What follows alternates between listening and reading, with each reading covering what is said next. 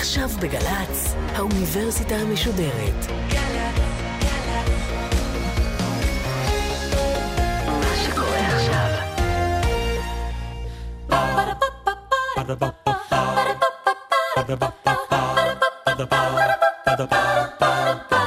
האוניברסיטה המשודרת מציגה מסע סביב רעיון, והסמסטר משחק. והפעם הפרופסור עמוס בוסקילה, חוקר אקולוגיה התנהגותית מהמחלקה למדעי החיים מאוניברסיטת בן גוריון, על משחקים בממלכת החיות. עורכת ראשית, מאיה גאייר.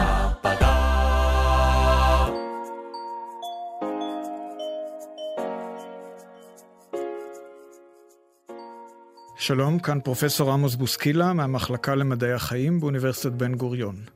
אני חוקר ומרצה בנושאים הקשורים לאקולוגיה התנהגותית של בעלי חיים. ההרצאה היא במסגרת סמסטר באוניברסיטה המשודרת, שעוסק בהיבטים שונים של משחק.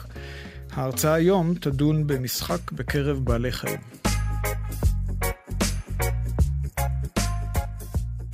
אני מניח שרבים מהמאזינים יצא להם לצפות בבעלי חיים בסביבת האדם, כלבים וחתולים, ובמיוחד אה, בעת אה, תצפיות בגורים, אה, בוודאי זכו לראות התנהגויות שקל מאוד לזהות אותן כמשחק. זה יכול להיות משחק בין גורים, או בין הגורים לפרט בוגר, הרבה פעמים בין הגורים לאימא.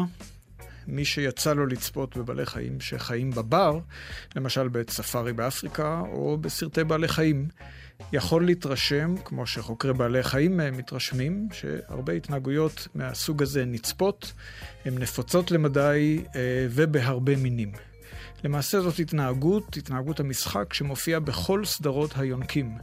אה, ומכאן משערים החוקרים שהיא נובעת מאיזשהו אב קדמון של היונקים, שהעביר את זה הלאה לצאצאיו, לסדרות השונות.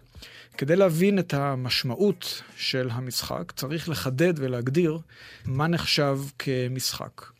אחד הקשיים של חוקרי בעלי חיים, שהם לא יכולים לגשת לבעל חיים כמו שניגשים לילד ושואלים אותו, מה אתם עושים? משחקים? אה, צריך להסיק מתוך ההקשרים אה, ובמיוחד צריך להיזהר מהאנשה. כלומר, אה, האנשה זה תכונה של מי שצופה בבעלי חיים, ויש לו את ההסתכלות שלנו כבני אדם, דרך המשקפיים של בני אדם, אנחנו ישר נוח לנו לתרגם כל דבר אה, בהתאם למושגים שלנו. אבל אה, עם בעלי חיים הדברים לא בהכרח אה, הולכים כמו אצלנו, ולכן צריכים להגדיר מה זה משחק בדרכים אחרות. אחד החוקרים היסודיים ביותר בנושאים של משחק, שכתב בנושא ספר, גורדון ברגהארט מאוניברסיטה של טנסי. אה, הוא ניסח חמישה מאפיינים, שאם אנחנו רואים את כולם, אז בביטחון אנחנו יכולים להגדיר את הפעילות הזאת כמשחק. A phenomenon that has not really gotten the attention that I think it deserves in science. Since play is sort of not a serious behavior, it shouldn't be taken seriously by scientists. אז בואו נעבור על החמישה מאפיינים האלה וננסה קצת להרחיב ולהסביר אה, מה הם. כלומר, איך מגדירים משחק בבעלי חיים. הגורם הראשון שאנחנו נחפש זה אם אנחנו רואים התנהגות, ולמרות שהיא דומה להתנהגויות אה, אחרות, היא לא נעשית בצורה המלאה שלה או בהקשר שלה. אה, בדרך כלל ההקשר שלה אולי תורם לשרידות המיידית של בעל החיים, ואילו אנחנו כאן אה, רואים חלק מהפעילות הזאת, והיא לא בהכרח תורמת לשרידות שלו. אה, למשל, אם ניקח דוגמה של בעל חיים שנלחם, יכול להיות שבחייו האמיתיים הוא נלחם נגד בעלי חיים אחרים, או נגד פרטים מאותו מין. נלחם לפעמים על טריטוריה וכדומה. פעילויות שיש להן תפקיד מאוד מרכזי בחייו של בעל החיים, בזמן המשחק אנחנו נראה התנהגות מאוד דומה אה, ללחימה, אבל היא בעצם אה, בהקשר שהוא שונה, וזה לא בדיוק אותה התנהגות כמו בקרב אמיתי. אה, המרכיב השני שאנחנו מחפשים זה התנהגות שהיא נעשית באופן אה, ספונטני, או רצוני, או נותן איזשהו סיפוק והנאה לפרט. For almost an hour, I watched enthralled while four young males and two older females splashed around like kids in a backyard swimming pool. בכוונה אה, מוגדר הסעיף הזה ככמה אפשרויות, או רצוני, או נותן סיפוק וכדומה. זה מאפשר הרבה אה, מצבים שונים. אה, לא צריך שכל הארבעה יתקיימו, אלא מספיק שאחד מהם. וזה מבטא בעיקר את הנקודה שאי אפשר להכריח בעל חיים לשחק, אלא זה משהו שצריך לבוא מתוך איזושהי מוטיבציה פנימית שיש לו. הנקודה השלישית שחייבת להתקיים זה שההתנהגות שונה לפחות בפרט אחד מההתנהגות הרצינית שדומה לה. כמו שהזכרנו קודם, המשחק הוא דומה להתנהגויות אחרות, אבל צריך להיות לפחות התנהגות אחת שהיא שונה. למשל, משחק בין סוסים. יכול להיות שאנחנו רואים שני סוסים צעירים, סייחים, נלחמים ונושכים אחד את השני ברגליים וברעמה וכדומה. אז זה ממש דומה לקרב, אפילו עמידה על שתי רגליים אחוריות, שזו הצורה הכי קיצונית של קרב בסוסים, אבל תמיד חסרה הצמדה של האוזניים לראש. הצמדת האוזניים בקרב האמיתי היא חלק מניסיון למנוע אה, אפשרות מהיריב לתפוס את האוזניים ולמשוך אותם. אה, ולהכאיב בצורה מאוד רצינית אה, לסוס.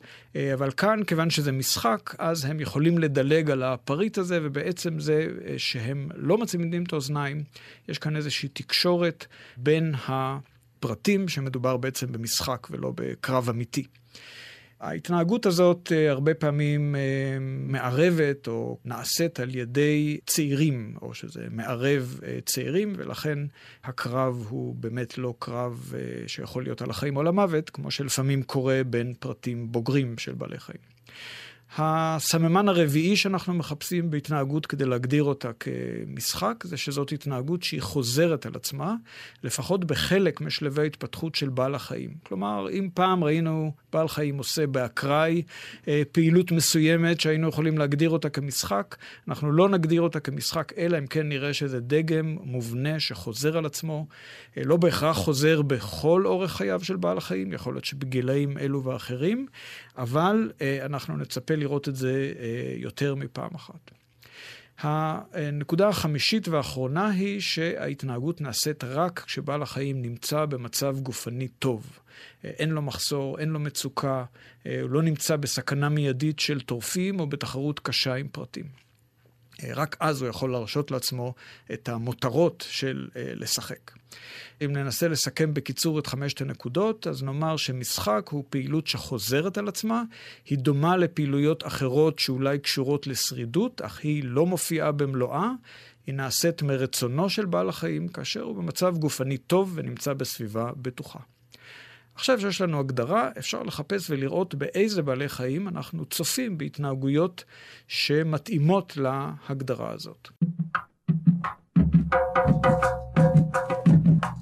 אז הזכרנו כבר שזה נמצא בכל סדרות היונקים, וזה כולל לא רק את יונקי השליה, שאצלם זה בולט במיוחד בכלבים, בקופים, כלבי ים, לוטרות, אבל גם ביונקים הפחות מוכרים, הקנגורו, הוולאבי, למרות שאצלם זה קצת פחות נפוץ, זה נמצא, ואפילו ביונקי הביב, הקבוצה הקטנה מאזור אוסטרליה, שמראה על הרבה סממנים אה, קדומים של אה, יונקים, אה, למשל הברווזן, גם שם הצעירים שלו נצפו בהתנהגויות שאפשר להסביר אותם כמשחק. אבל לא רק יונקים, אולי יפתיע אתכם לדעת שכמה מהדוגמאות הם מעולם הזוחלים. למשל כוח קומודו, הלטה הגדולה ביותר יכולה להגיע לאורך של שניים וחצי מטר, טורף אה, עז שיכול אה, לטרוף אה, אנטילופות קטנות.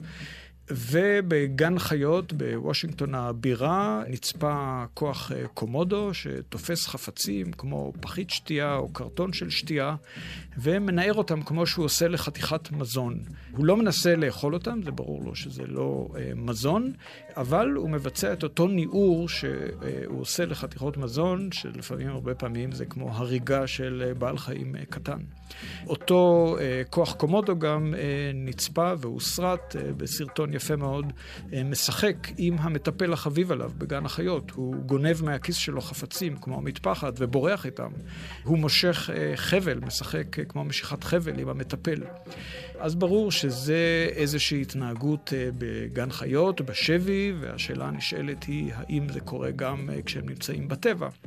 ואין לנו תצפיות uh, מפורטות על uh, כוח קומודו משחק בטבע, אבל קשה להעלות על הדעת שנוכחותו של הכוח הזה בגן חיות uh, לימד אותו לשחק אם לא היה לו את הנטייה למשחק קודם, משהו מובנה במרכיב הגנטי של אותו בעל חיים. לכן אנחנו מניחים שאם הדבר נצפה בשבי, יש לו איזה שהם יסודות באבולוציה של בעל החיים. ופשוט החוקרים אה, בטבע אולי עדיין לא צפו בזה, אבל שווה לחפש. אה, דוגמה נוספת מעולם הזוחלים, תנין היאור, שוב בגן החיות בוושינגטון. שם לא מומלץ לנסות את המשחק של המטפחת בכיס, אבל אה, מצאו שם אה, תנין שמשחק עם כדור, שהיה תלוי בחבל במכלאה שלו, משחק עם עצמו, בלי שהוא צריך מישהו אחר, משחק לעצמו מעין משחק של כדורסל, ואותו דבר גם צו רך, הצו שיש אצלנו בארץ, בנחל אלכסנדר, נצפה שוב בשבי משחק עם כדור שצף אה, במים ודוחף אותו ומזיז אותו. גם כרישים, גם אה, דגים אחרים אה, נראו משחקים עם חפצים ואפילו תמנונים, שהם לא חולייתנים בכלל, נצפו והוסרטו באקווריום, משחקים עם בקבוק תרופות שצף על פני המים, והם דוחפים אותו, משחקים כאילו מסירות בבקבוק הזה ודוחפים אותו אחד לשני בעזרת סילוני המים שלהם. אז הבנו שמשחקים אה, נפוצים בקבוצות רבות אה, של אה, בעלי חיים, והזכרנו שזה בעיקר מאפיין את הצעירים. בהמשך גם נדבר על משחק במבוגרים.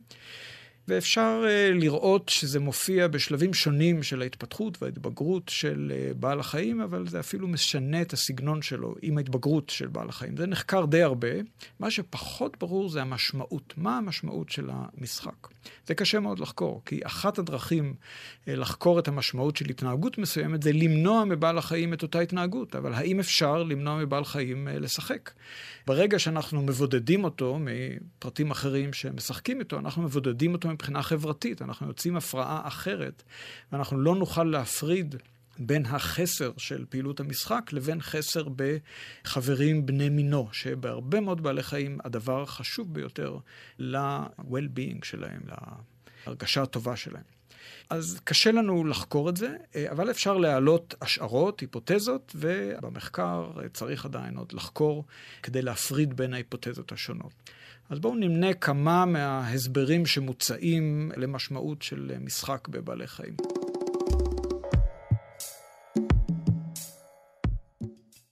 אז uh, הצעה אחת היא שזה ביטוי לעודף של משאבים, עודף אנרגיה שיש, וזה במיוחד לפרטים צעירים שנמצאים במצב גופני טוב. וההיפותזה הזאת בעצם נולדה מתוך התצפית שרק במצב גופני טוב אה, אנחנו רואים את אה, בעלי החיים משחקים, אז יכול להיות שיש להם איזשהו עודף של אנרגיה, והם מוציאים אותו בצורה הזאת של המשחק. יכול להיות שזה נכון, אבל זה לא בהכרח ההסבר היחידי, גם אם זה נכון. למשל, הרבה מאוד מהפעילות של המשחק רואים שהיא דומה לפעילות של בעל החיים כבוגר, ויכול להיות שזה בעצם אימון לקראת החיים שלו, אה, לקראת התקופה שהוא יהיה בוגר, אבל את האימון הזה הוא עובר בתקופה של התפתחות שהמוטוריקה והנוירופיזיולוגיה שלה עדיין קלים לעיצוב, ובכך שהוא משחק בהיותו צעיר, הוא משפר את התפקוד שלו בעתיד. למשל, סייח של סוס או גור של כלבים שמשחק, ובמשחק שלו הוא נלחם עם פרט צעיר אחר, הוא בעצם רוכש מיומנויות וזריזות שיהיו חשובים לו בהחלט בהמשך. בחיים האמיתיים.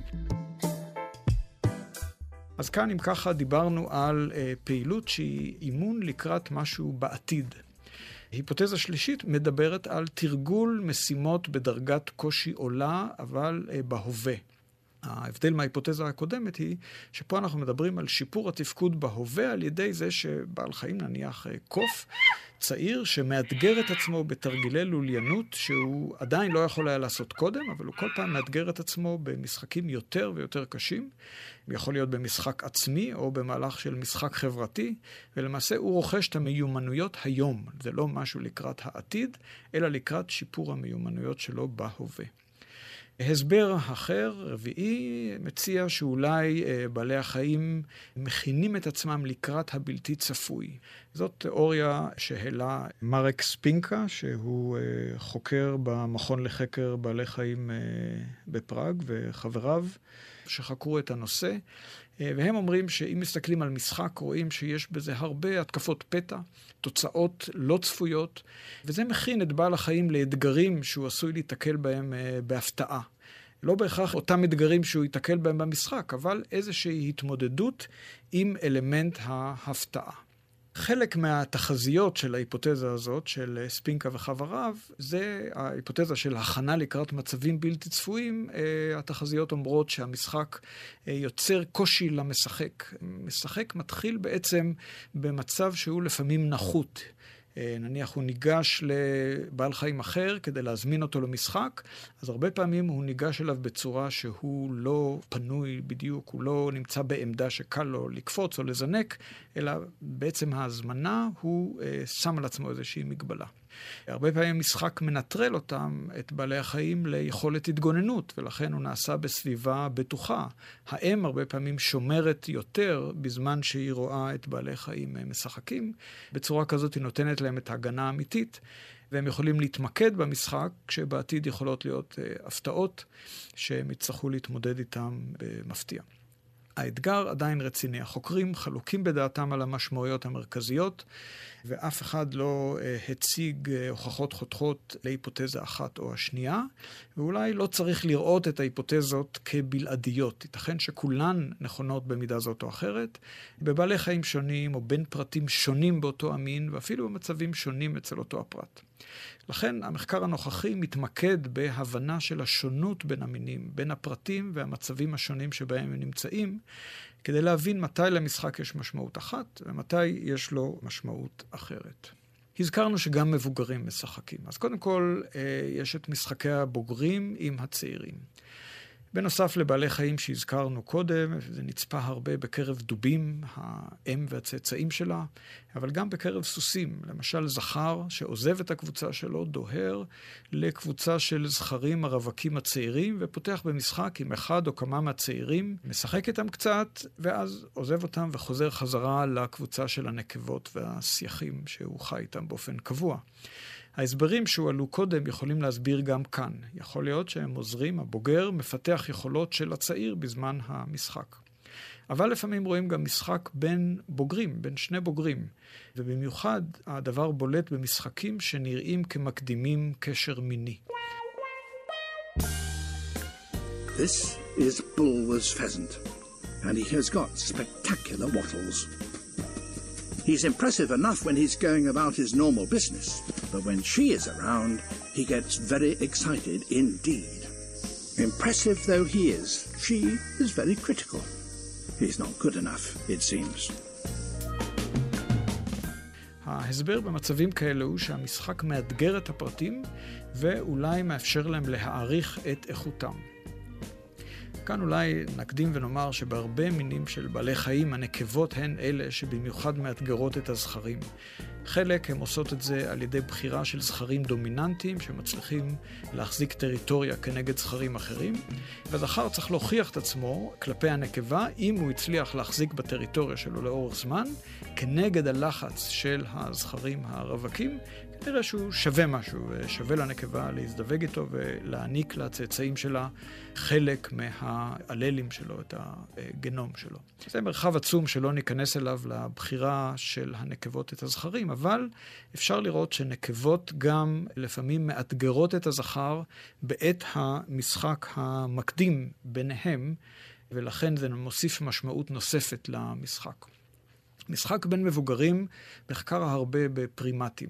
קופים ממינים שונים, ומצאו שהמשחקים שנראו לפני ההתקשרות המינית הוסברו הרבה פעמים, או ניתן להסביר אותם, כדרך לבדוק את היכולת החברתית של בני הזוג. לאו דווקא לבחון את הכוח הפיזי, אלא לבדוק את היכולות החברתיות. זה במיוחד נפוץ במינים שאין להם חיי חברה הדוקים עם פרטים קבועים.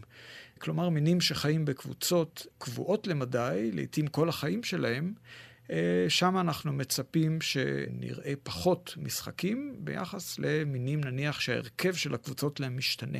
למשל, ישנם מינים שהמבנה החברתי שלהם נקרא and fusion, כלומר התחברות והתפצלות, כמו למשל בשימפנזים. שימפנזים משנים את הרכב הקבוצה, הם לא כל הזמן נמצאים אה, מול אותם אה, פרטים באותה יחידה חברתית, ולכן במצבים כאלה אולי יותר חשוב לזוג של שימפנזים שעומדים להזדווג, אה, לבצע משחקים מקדימים כאלה שמאפשרים להם להכיר טוב יותר את היכולות החברתיות. ישנם קבוצות של פרימטים שבהם המשחקים נובעים אולי מזה שהם לא נפגשים לעיתים קרובות. למשל בקבוצת הכיפופים, שכוללת גם את הלמוד. האמורים, גם את הקופיפיים, מינים קטנים ליליים מדרום-מזרח אסיה. בקבוצות האלה כנראה הקבוצות, ההיכרות ביניהם רופפת, יש יותר צורך לבחון את בני הזוג ולהכיר אותם במסגרת המשחק המקדים. אבל יש גם משחקים בין מבוגרים שהם לא בהקשר המיני. למשל משחק בין בני אותו הזוויג. אה, זוויג הכוונה לזכר או נקבה. זה שבעצם אנחנו מדברים על זה שנגיד שני זכרים או שתי נקבות, שברור שאין לנו כאן אה, איזשהו הקשר מיני של המשחק, ובכל זאת אנחנו רואים שלמשחק אה, יש תפקיד מרכזי, ויכול להיות שלמעשה הם משתמשים באותו תפקוד שראינו בהקשר המיני. כלומר, הם מנסים להעריך את הפרט השני. ולמעשה מנסים לאיזושהי פעילות שמאפשרת להם להעריך מעמד חברתי, דומיננטיות, כוח וכדומה, בלי צורך להיכנס לקרב. קרב זה מצב שטומן בחובו סכנה לשני הפרטים. הם יודעים מתי הם נכנסים אליו, הם לא יודעים איך הם יצאו ממנו. ולמשל בסוסים שחיים בבר, אה, זכרים לא פעם נפגשים, והם מקיימים איזשהו טקס ליד ערימה של גללים. כן, זה אולי לא נשמע מאוד uh, ציורי, אבל ערימה של גללים מעוררת uh, את שני הזכרים, הם מרחכים ביחד את הערימה של הגללים, רוקעים בקרקע, לפעמים דוחפים אחד את השני, לפעמים קצת מתרוממים לגובה, כמעט כמו בקרב, אבל לא ממש נוגעים ולא נושכים, לא מכים, uh, ובסופו של דבר אחד הפרטים נסוג והשני המנצח ניגש ברוב חשיבות לערימת הגללים ומוסיף את הגללים שלו בראש הערימה. אם מסתכלים על המאפיין הזה, זה בעצם מתאים להגדרה של משחק, יש בזה הרבה מאוד סממנים אה, שאנחנו מכירים אותם בקרבות, ובכל זאת אין כאן אלימות, זה לא מתפתח, אה, לא הופך לפעילות אגרסיבית, ובכל זאת זה נותן אינדיקציה של מי הדומיננטי, זה מאוד ברור. זה שהניח את הגללים שלו בראש הערימה, הוא זה שניצח בהתמודדות הזאת. בסוסים מבויתים בוגרים, אנחנו הרבה פעמים יכולים לזהות פעילויות של התנהגויות שהן שאולות מהמשחקים של החיים של סוסים שחיים בבר. למרות שבתנאים שאנחנו נותנים לסוסים המבויתים, אנחנו משנים הרבה דברים. למשל, הזכרים הרבה פעמים מסורסים, וההשפעה של ההורמונים אצלם פחות אה, דומיננטי, ובכל זאת אנחנו יכולים לזהות פעילויות שונות. והנה מתברר שדווקא כאן הפעילות של המשחק נפוצה יותר בסוסים מבויתים מאשר בסוסים שחיים אה, בבר. אחד המחקרים של האוסברגר, מרטין האוסברגר מהאוניברסיטה של רן, שבעזרת חוקרים אחרים התמקדו אה, באחד המחקרים שלהם בנושאי אה, משחק בסוסים. הם אה, מצאו שככל שהסוסים היו בסטרס בגלל שהם חיו בתאים מצומצמים, קטנים, בודדים, אז ברגע ששחררו אותם להסתובב באחו ביחד כחבורה, הם שיחקו הרבה יותר. כלומר, במקרה הזה החוקרים רואים במשחק בין מבוגרים כדרך אה, להפיג מצבים של מתח שנגרמו על ידי התנאים שבהם אה, הכנסנו את הסוסים כשהם חיו בעורבות.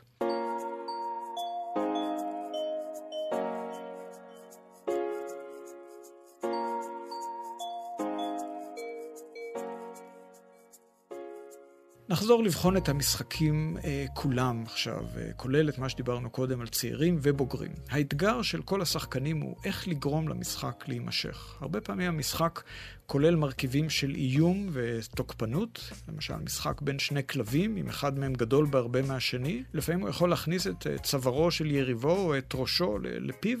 זה יכול היה להיגמר רע מאוד, אבל בכל אופן המשחק הוא משחק ידידותי, לא משחק של מאבק של כוח. לכן חשוב שרמת התוקפנות במשחק לא תעלה מעל איזשהו סף. ואם היא תעלה, חשוב שהיא לא תידרדר למאבק אגרסיבי עם סכנה של פציעה. כמובן שסכנה של פציעה זה לא המצב שהם רוצים כשהם מתחילים לשחק, ולפעמים במצב שישנה הידרדרות כזאת, המשחק נפסק, והשחקנים למעשה איבדו את הפעילות חשובה ומועילה להם. לכן הרבה פעמים השחקן, בעל החיים, מאותת ליריבו שזה בעצם רק משחק, אנחנו לא באמת רבים. אז הזכרנו קודם את האוזניים של הסוסים שמשחקים, הן לא צמודות לראש, אה, ובדרך הזאת הם מאותתים, ואנחנו לא נלחמים על אמת, זה משחק.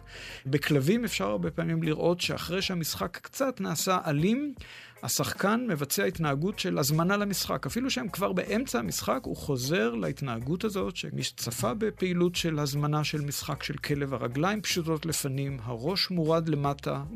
זאת ההזמנה למשחק. והנה פתאום הוא מזמין את יריבו לשחק איתו באמצע המשחק. אולי כאן הוא מדגיש בפני השחקן השני, תשמע, הגענו לאיזשהו שלב של אלימות, אבל זה בעצם משחק. בואו נמשיך בכיוון של משחק.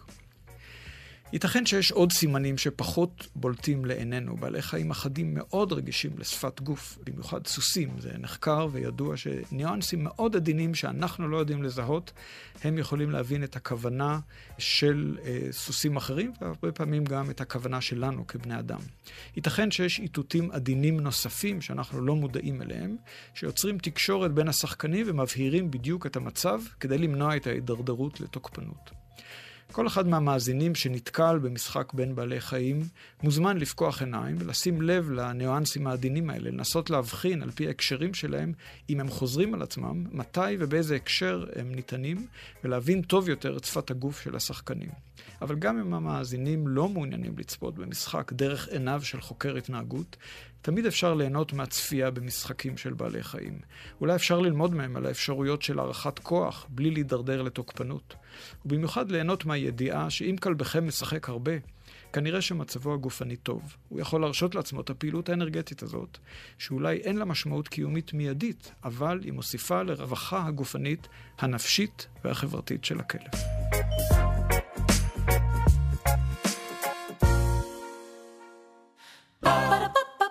ba ba